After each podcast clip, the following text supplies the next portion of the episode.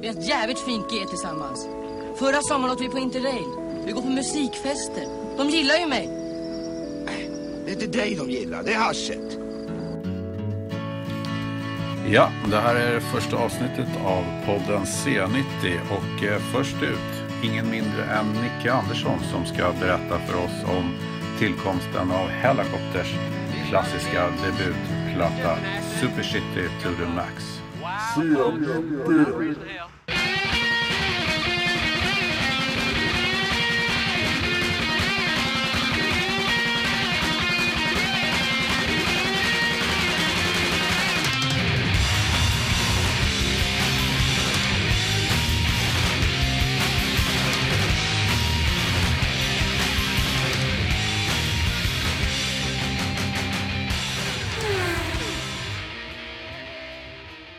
Det har nog sällan gjorts en skiva på så kort tid och så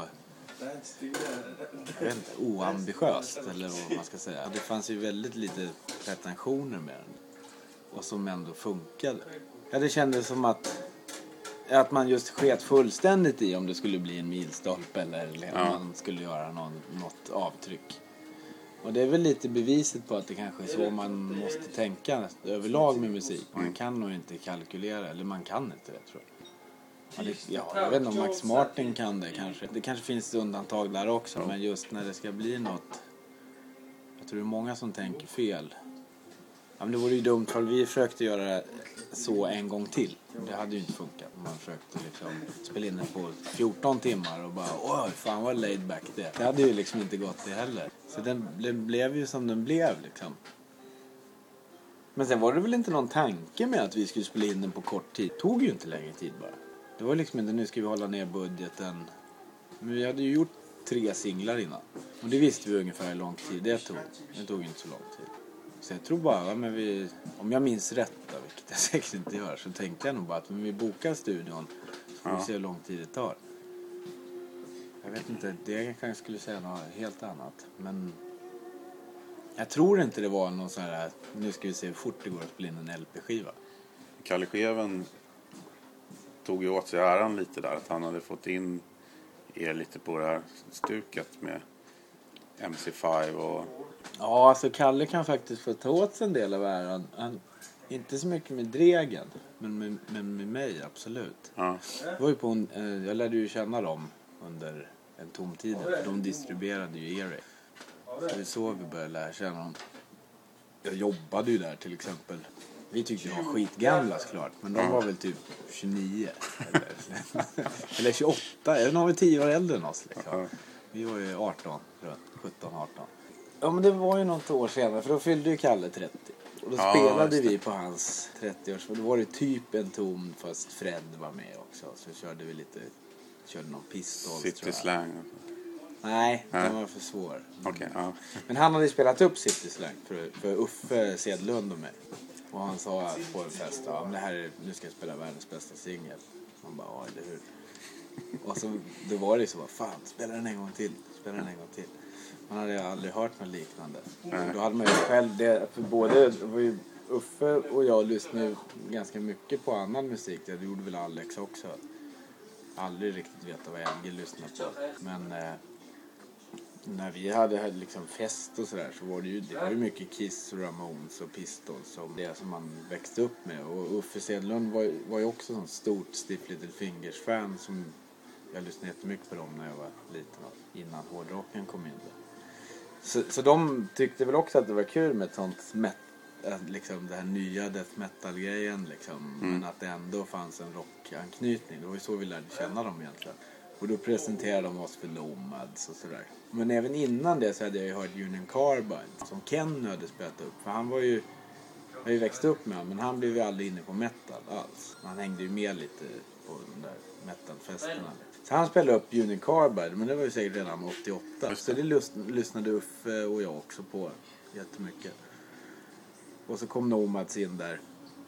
Och så ge- genom Kalle och, och Nomads-killarna där, då fick man ju lära sig mer musik. Och man gick till Freak Scene Records och köpte grejer. Jag kommer ihåg Olsson stod där lite och jobbade. Han tyckte att första singeln lät så här lite australienskt. Jaha, sa jag då. Ja men det är Radio Birdman och sådär. Så det, det var ju då jag upptäckte det. Kalle kan ju inte ta åt sig äran för alla de här banden. Nej, men, nej. men visst. My, mycket sånt där. De spelar ju upp DMC och Dead Boys och där som vi hade missat när vi lyssnade på punk. Jag menar, när Dregen hade träffats så spelade de ju upp grejer för varandra och så här. Och då... Ja, vi kom in på Nu Bomb Turks. Eller gjorde väl egentligen Uffe Sedlund och jag. Det måste vara ganska tidigt. När Fredde Holmgren hade sin skivaffär. Han har haft massa skivaffärer. Men vad fan hette den sista då? Far Out, tror jag hette. ja. Där köpte vi nu Bomb Turks. Det var i samma veva man köpte liksom första Helmet och lite Amfetamin Reptile-stuket. Och, så... och då kom Bomb Turks in där på ett hörn. Och det tyckte man också så här: wow, det här är ju det här är så jävla bra. Det är lite som Union Carbide fast det är liksom ännu hårdare och snabbare. Det är som hardcore fast det är rock'n'roll. Det var väl i princip det det var. Så att Bomb Turks var nog en en jättestor inspirationskälla, just stuket där. Att det skulle vara Stooges fast mer punk och, och, och sen det vi hade i bagage. Då, som. Men det fanns ju en scen i USA tyckte vi att det såg ut som. Med Hampers och Devil Dogs och nu Bomb Turks och fan heter alla de där banden. Som man gillade som fan där, som man köpte singlar med på Freaksidan och sådär. Och det var ju, den ville vi in i, den scenen. Men den fanns inte i Sverige. Eller det fanns ju ingenting. Det fanns Robots och Demons men de hade ju, det var ingen som hade hört dem. De fick ju vi reda på på grund av att vi... Så ni hade ändå den ambitionen liksom att komma in i den scenen? Ja, alltså så. små ambitioner. Ja, ja. Och så den här tidningen Flipside som är liksom punkrock eh, liksom. Och Maximum Rock'n'Roll. Det var ju att få en recension där hade ju varit good. Så jag kommer ihåg, vi satt ju och skickade ut första singeln i så här, jag vet inte hur många singlar vi skickade ut. Det kom ingen respons överhuvudtaget. Och Skumt. idag är den värd. liksom. Killing Allen. Ja men det tog tid liksom. Men jag kommer vi fick ju recension i Flipside där det stod att det var bra. Då var det ju värt de där. Liksom. Och så började man skicka till andra band och sådär. Electric Frankenstein var ett annat band i New York. Där. Alltså det, ambitionen var väl att vi skulle göra sådana singlar. För det var ju liksom singlarna som var bra. Och LP-skivor, det var en, de gjorde inte så många LP-skivor just de där banden. Så det var, det var väl det lite grann som var målet. Och sen andra singeln vill ju Johan på Freaksin släppa. Fett, det har ju två singlar. För Bomb Turks hade ju typ så här 30 singlar. På olika bolag. Det var ju det som var coolt tyckte vi. Ja. Ja, och sen släppte Chips den tredje singeln. Men den kom nog an att inte komma ut förrän första skivan kom. Jo, det måste den ha gjort. Nej, jag kommer inte ihåg. Men, men i den vevan så började vi prata med Kalle också då. Fan, vi gör en, vill göra en LP-skiva? Liksom. Ja, och då tänkte vi säkert, men ska man inte göra lite fler singlar först? Är inte Ja. det rätt? Liksom? Det var mycket så här vad som var Ja, rätt inom... ja. Eller, ja, jag tyckte det i alla fall. Hives eh, Pelle har sagt att Gotta Get Some Action är en av världens bästa låtar. Har du hört det? Nej, men jag vet ju att de har spelat den någon Ja, gånger. han till och med introducerade. Nu ska vi spela världens bästa låt. Så. Ja, eller näst bästa. Ja, det är jävligt roligt. Det är, det är ju otroligt fett att ett så bra band kan säga det. Hur ser du själv, liksom, hur rankar du den låten själv? Nej, men det är ju sådär. Man har ju förstått det med låtar att ibland har man ju lite tur. För av de här låtarna så den är bäst. Ja, på, liksom, det är en sån där lyckoträff liksom. Som man, och det, den sån här låt kan man ju inte tvinga sig själv att skriva igen. Den, den kom där och då. Sen är den ju liksom snodd. Eller snodd och snodd. Det är liksom hela det där med intro, gitarren och där. Det är ju från en Hampers-låt. De gjorde cover på där på Head Off-skivan. Men sen när man säger det så tycker de inte ändå att det är så likt. Men Ah. idén kommer ju därifrån. Man har den där slingan och så kommer ackorden. Och de är i princip samma som deras. Men... Eh, nej, annars, nej jag, tycker, jag är skitnöjd med den. Det är nog en, en av de topp fem som jag har skrivit. Ja, ja, jag ja. vet inte. Men det är lite synd att det inte går att tvinga fram fler. gjort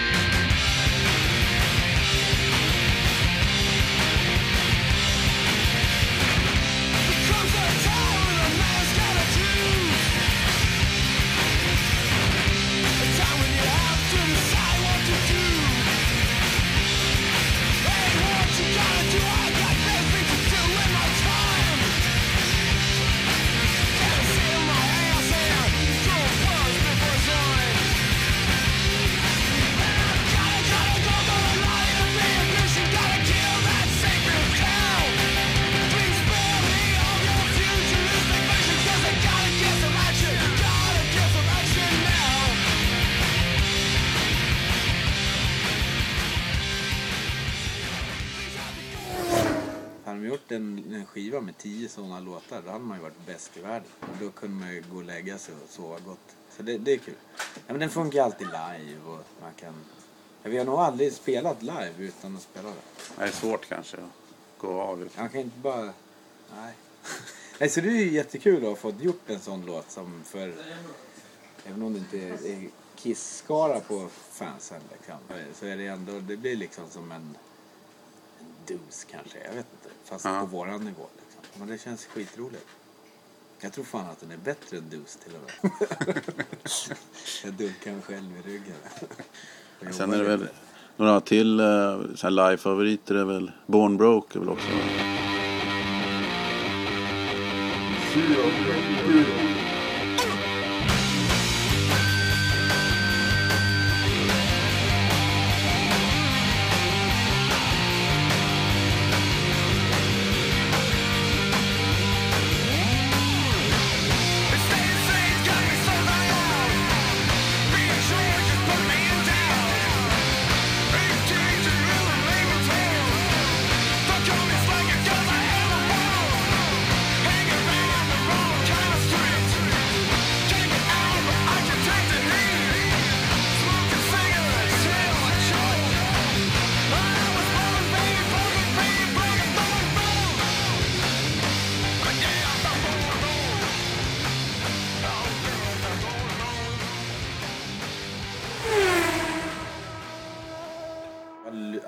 Lyssnat på Thin Lizzy tills folk började säga att Hellacopters lät som Thin Lizzy. För jag har bara hört Boys Are Back In Town och jag är så trött på det. Det här var väl samma med Skynyrd. De har ju bara hört Sweet Home Alabama tills, Ja. man, tills någon sa att men det finns bra grejer. Jaha. Ja.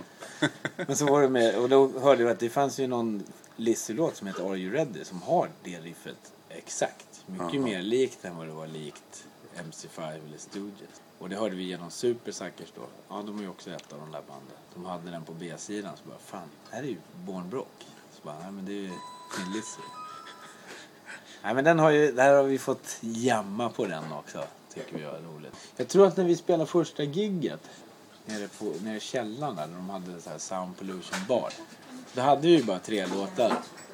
Eller, och plus ett versriffet på Born Rock. Som vi bara körde i 10-15 minuter. Den hade inte ens refrängen liksom. Men men det var, det var nog så Born Broke kom till. Liksom.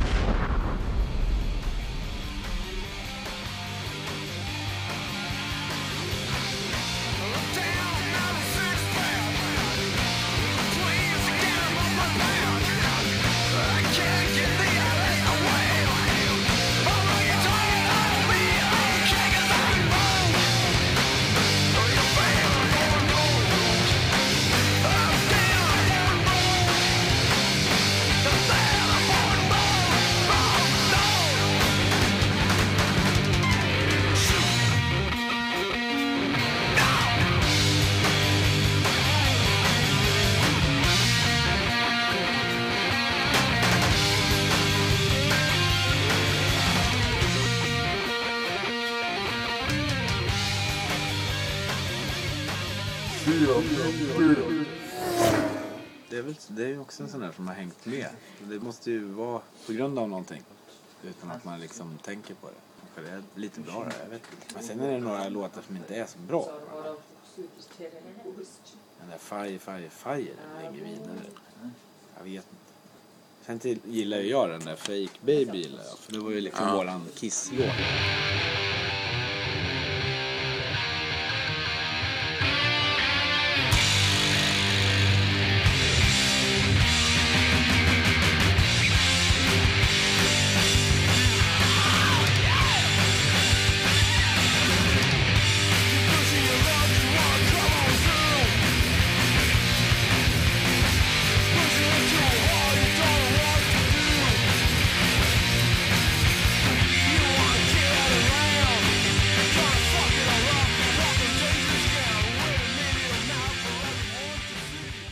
Svårt att höra i oväsendet men när vi har spelat den på senare tid då låter det som, mer som Kiss då. Och då hörs ju allt liksom vad det gjorde där. Ja, sen var det ju kul med den där uh, Spock in my rocket där. För då fick vi, eller fick Skogsberg leka järnet. Han låg ju på mixerbordet och skruvade på pedaler och grejer. Så det var roligt. Det skulle ju vara våran avantgarde Studios-låt tror jag. Ja, men han eh, värderar väl den jävligt högt liksom idag. Ja fast är det inte den där gula singeln som han tycker är bäst? Ja, det kanske är. Ja. Som är Get Some Action Now-singeln. Mm. Fast de andra låtarna låter ju ännu värre än det här. Det Ja. är liksom det råaste han någonsin har gjort. Man hör ingenting. det var ju så när vi skulle ta ut de låtarna igen och lira dem. Så vad fan, hör, kommer du ihåg? Man bara, va? Jävla liv. These are other kids. This is just an accident. Just a couple of wild punks. Det blev ju ganska så hypat när skivan kom, eller hur? Ja, men Kalle och de hade ju en bra promotionapparat antar jag. Sen var ju, Kalle har ju alltid varit jävligt rolig och tänkt lite annorlunda. Ja.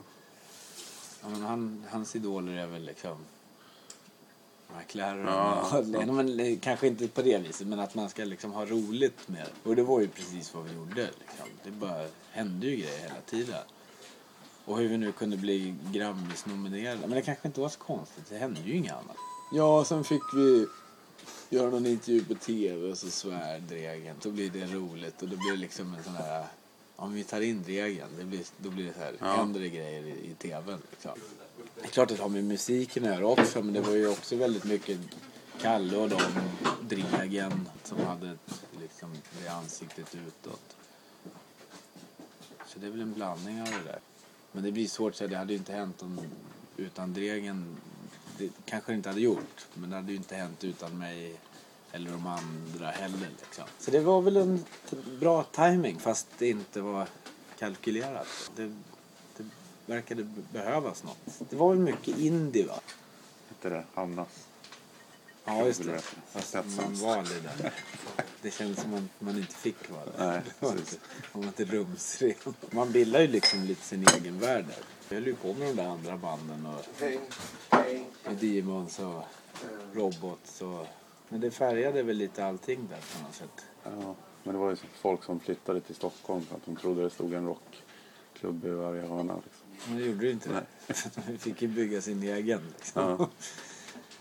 Ja. Ja men så har det ju varit med death metal-grejer med lite grann. Att Ja. folk har kommit till Stockholm för att det är så här wow. Så bara, nej. Det är precis som vilken tråkig stad som helst.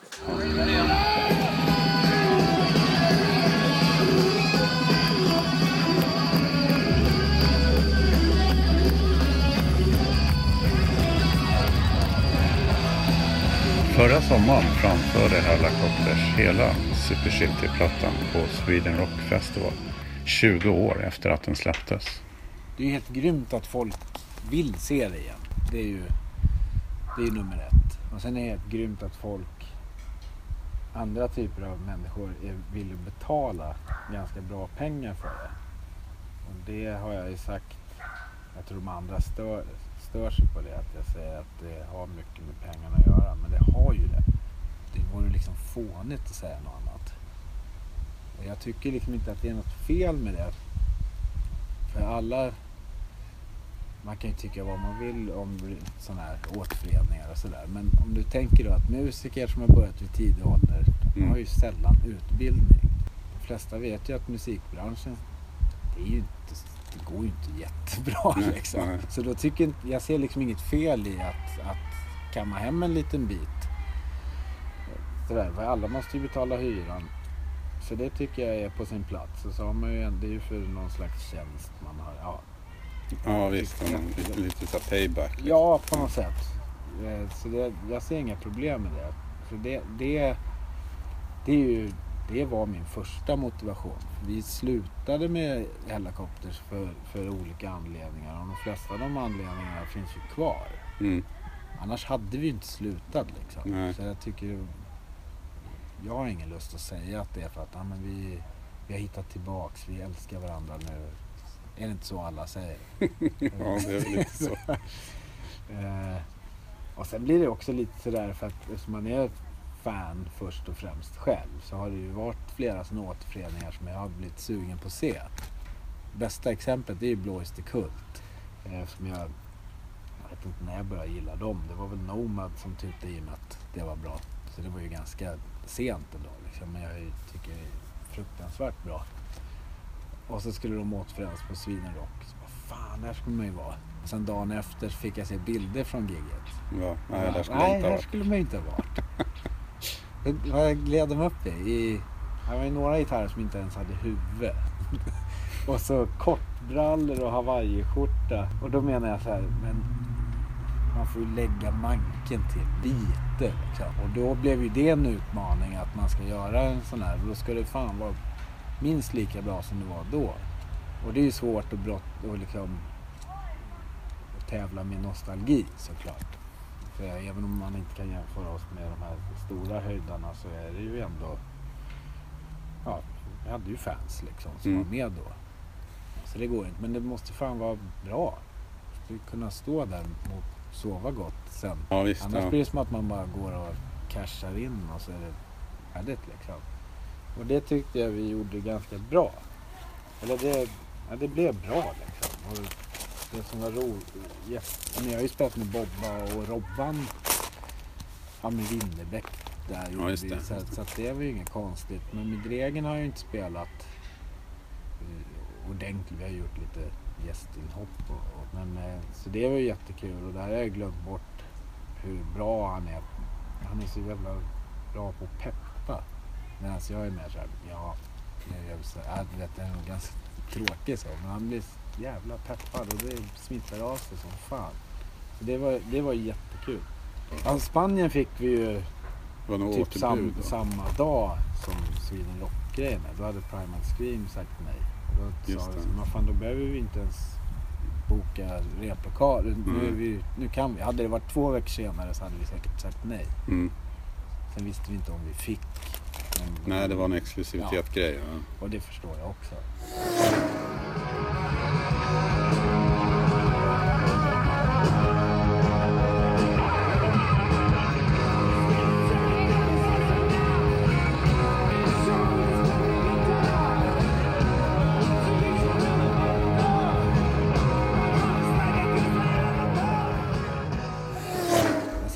Det blir, det blir svårt där. För kreativt så har ju jag mitt på det torra. Sen tycker jag ju inte att det är så många som vet om vad jag pysslar med. Eh, så, så, men det är ju så, hade det gått svinbra för Imperial då hade jag nog inte ens tänkt tanken på att göra det. Ja, kanske. Jo, att vi firade 20 år. Ja, men, jo, men det... Som, ja, det är lite både och. Jo, ja, men då har man ju ändå en, eh, en grej som man hänger upp det på som känns liksom eh, trovärdig eller vad man ska säga. Liksom. Ja, för mig måste det ju vara trovärdigt. Ja. Det är väl lite, lite att jag ska vara ärlig med mig själv.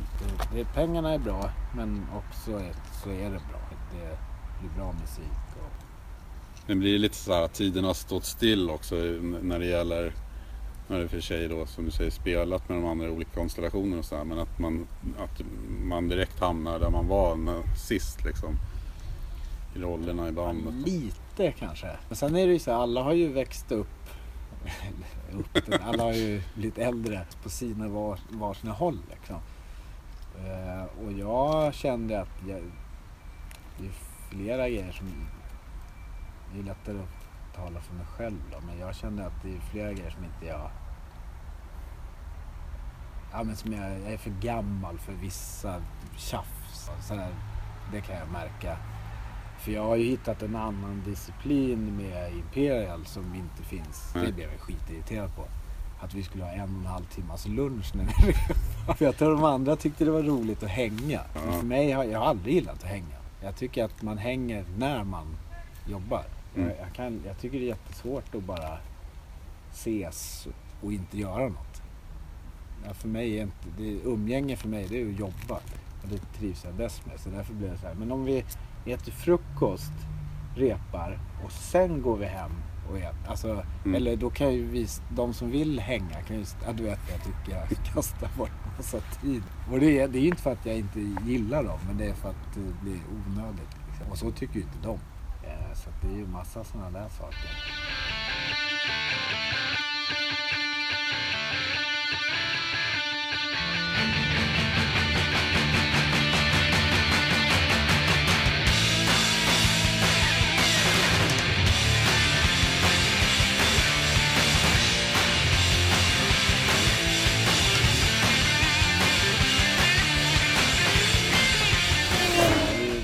Märker Robban har ju blivit mer ledare sen. Mm. Och det märks också att det blir här. Så det är ju massa grejer som är skillnad. Liksom. Men det, det är intressant också. Men rent spelmässigt då, så här, gå tillbaka, för där måste det ju ha hänt ganska mycket. Jag tyckte att spelmässigt så var det ju det, var ju det enklaste. Jag, menar, jag lär mig långsamt men jag hoppas att jag blir inte 20 år bättre på gitarr men lite bättre. Så jag, och sen, det är klart att det var skillnad mot Kenny som inte har spelat nästan alls efter 2008. Så hade han ju mycket längre startsträcka än vad jag hade. Jag har ju gjort typ samma grej. Hade Ja. han Dregen också gjort det. Jag tänker att det måste nästan vara svårt att gå tillbaka på något sätt. Nej, så bra på gitarr är jag inte. Nej, okej. Nej. det kommer jag nog aldrig bli. Jag lär mig alldeles för långsamt och övar alldeles för lite. Men Nej, så det var, det första, var inget svårt. Först, med första Hellacopters där, för att det är ju, i och med att det är så speciell produktion också med. Ja, man var ju lite orolig för att det skulle bli för fint. Ja, Första skivan hade väl aldrig fått en Grammis om den hade låtit nej, nej. lite normalare. Nej. Jag antar att det var det som var hela grejen. Att Mm. det inte lät som något annat.